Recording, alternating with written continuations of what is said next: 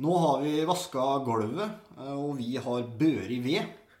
Det er julaften. Året er 1969. Klokka er halv elleve på formiddagen. Oppover Glemmengata kommer det to karer ruslende.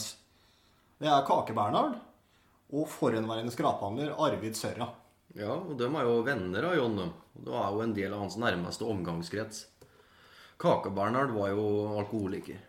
Han drakk som regel kvistlakk. Navnet Kake-Bernhard det hadde han jo fått etter at han kjørte brød og bakevarer før i tida.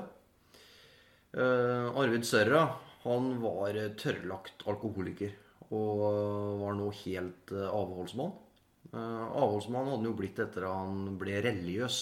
Da hadde han satt korken på flaska for godt og nøyde seg kun med vørterøl.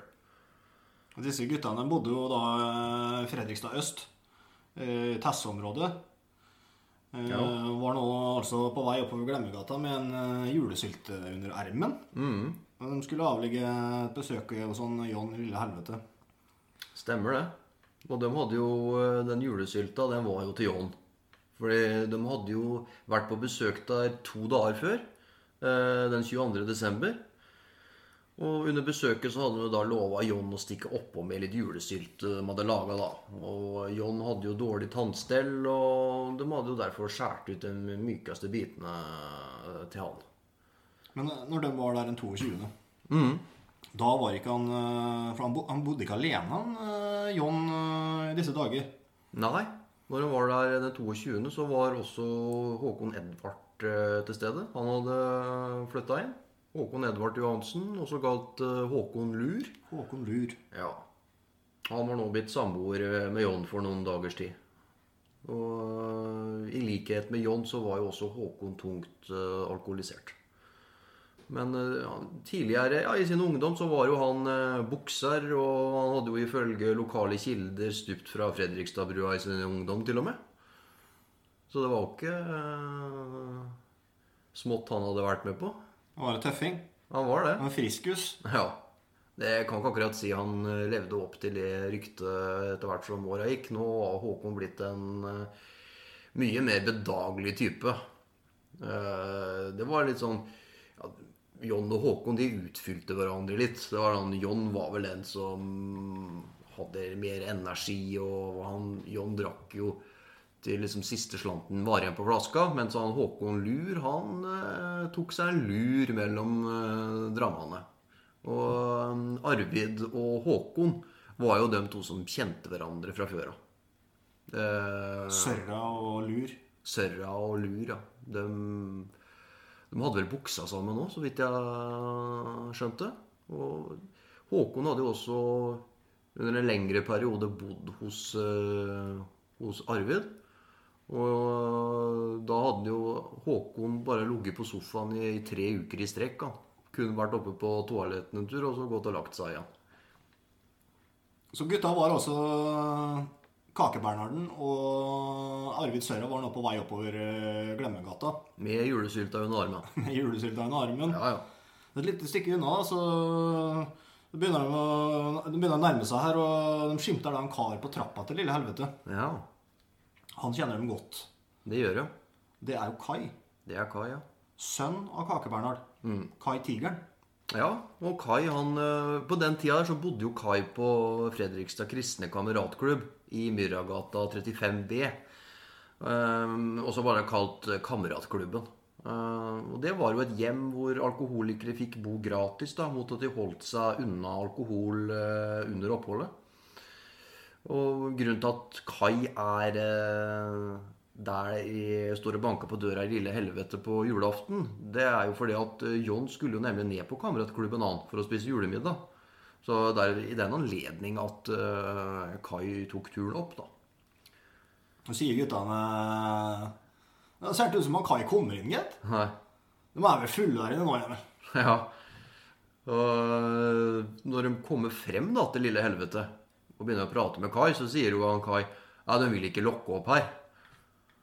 Og ja. døra var jo låst. Den låsemekanismen og hvordan det fungerte på den døra der, var jo at det var en smekklås på innsida. Ja. Eh, når han, eh, når han John skulle, skulle gå og låse etter seg, så, så hang han på en hengelås på utsida. Ja, han gjorde det. For den nøkkelen som originalt uh, fungerte til den jarlelåsen, den var rota bort for lenge siden. Den var, eh, den var borte for uh, sikkert mange herrens år siden, som du ville sagt. Så John brukte faktisk hengelås på utsida av døra når han skulle ut, og ingen andre var hjemme. Og, eh, men nå som døra ikke var låst med hengelåsen, da, så tyda jo alt på at John var hjemme. Var men ikke. Mm. her var det folk hjemme. Enten var John hjemme, eller så var det noen andre. For hvis det var noen andre i huset der, så ble det bare brukt eh, smekkelåsen. Den Yale-låsen, eller Jarle-låsen, som de kalte det. da. Guttene sto og kjempa på utsida for å komme seg inn, og de visste godt det at eh, så lenge ikke hengelåsen var på, så var det, da var det noen som sov der inne. De var hjemme, i hvert fall. Ja, ja. Men eh, hva er guttene gjør for å prøve å få åpna døra her sånn? Ja, altså Over døra så er jo en luke. eh, Et vindu. Sånn, sånn smalt vindu over døra. Og den, eh, det vinduet, så den luka, den er åpen. Så Arvid han løfter jo opp Kai, sånn at han får tatt en kikk gjennom luka. da. Og Kai har nå liksom fått eh, huet gjennom luka, og han ser jo inn da inn i lille helvete. Og da sier han bare rett ut De ligger drita fulle der inne. sånn.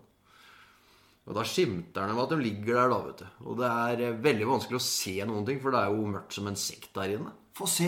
Ja, Få se, sier han eh, Arvid. Få se, sier han da. Så de bytta på, da. Ikke sant? Og eh, da blir, da blir Arvid løfta opp. Og jo da, riktignok, de ligger der, de. Håkon og, og John. Og Arvid prøver vet du, å rekke ned til den der smekklåsen for å få åpna døra. Da. Men Arvid eh, er jo for kort i armene til å klare det. Så da må de bytte på igjen. Og nå igjen står jo Kai da på knærne til Arvid. Eh, Og Kai rekker jo ned og får vridd om smekklåsen. Og Der smetter døra. der smetter døra opp. Og da er Arvid den første, er førstemann som går inn. Hvordan er det, hva er det som eh, møter han Arvid eh, der inne? Ja, altså, Først så var det jo da som sagt veldig mørkt der inne, og det var egentlig veldig vanskelig å få oversikten over noe som helst. Eh, det de legger merke til, da, er at eh, eh, Bortsett fra en flaske med kvistlakk, så med en, flaske med en slant kvistlakk som står plassert midt på bordet, så er det usedvanlig ryddig der inne. Det har vel omtrent aldri vært så ryddig der inne som da. Eh, og Kakebærner han går jo bort da til, eh, til Håkon og, og rister inn. Liksom, 'Håkon, nå, nå må du våkne.' Ikke sant? Ja, Håkon er stiv. Ja, han er stiv.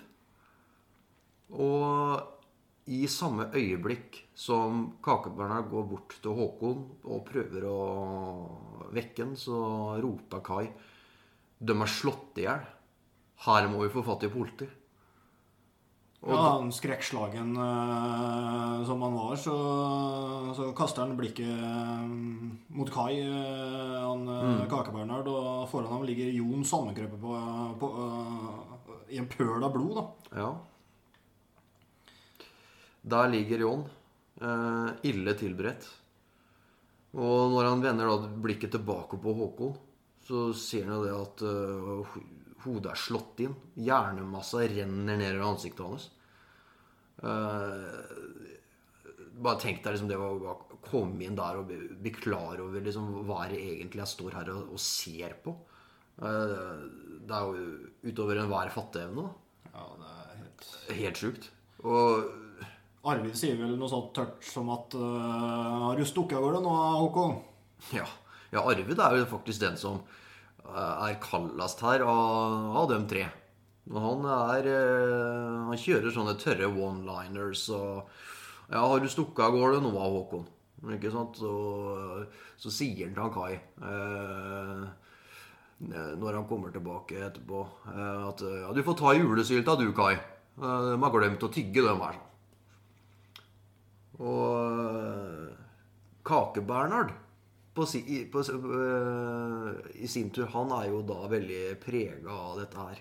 Han går bort til øh, Håkon, stryker Håkon over kinnet, kjenner at han er kald, stryker han over kinnet og sier 'farvel da, Håkon'. Dette her var trist. Og han spaserer da mot utgangen av døra, Og da går han dermed politiet i møte. Og da blir jo disse her tre karene de blir jo stående utafor lille helvete mens politiet da går inn på åstedet. Han Kake-Bernhard øh, Sønnen av Kake-Bernhard, han eh, Kai, han, han løper jo over til nærmeste butikk. Og får ringt politiet. Får ringt politiet. Ja, og de har jo kommet nå. De kom jo veldig kjapt. Ja, det er vel en spasertur på fem minutter. Ja, ikke mer. Fra lille helvete ned til Fredrikstad politikammer. Ja, de rusler ut, som du sier, og går nå politiet i møte. Og da er vi litt tilbake på Arvid eh, og hans eh, reaksjonsmåte oppi det hele. Ja, han Arvid sto jo der, han var grei. greier. Og du vet, Arvid sa ja, De vet jo hvor vi bor henne, så de kan jo tale i oss etterpå, sånn. Det var jo julaften, og butikkene holdt jo på å stenge, og de skulle jo handle inn til jul og greier. Men Vi kan ikke stå her og blenge sånn. Kan ikke stå her og blenge, vi. Nei, så de måtte komme oss av gårde. Så de fikk heller prøve å Fikk, heller, fikk heller politiet ringe senere hvis det var noe de lurte på. da, vet du. De hadde ikke tid til å stå her og blenge. Arvid fortalte jo det at uh, han ble ikke noe støtt av det synet som, som, som møtte dem når de fant John og Håkon, fordi Nei, han hadde sett så mye sånt før, han, at uh, det gikk ikke inn på han engang. Politiet er eh, tilkalt, kommer på stedet, og prosedyrene er jo da å underrette Kripos, avdeling E-gruppen. Og her kommer jo da den kjente politiavdelingssjef Rolf Harry Jarmann og politibetjent Almeli og Martinsen. Og de hadde også med seg labavdeling og fingertrykksavdeling.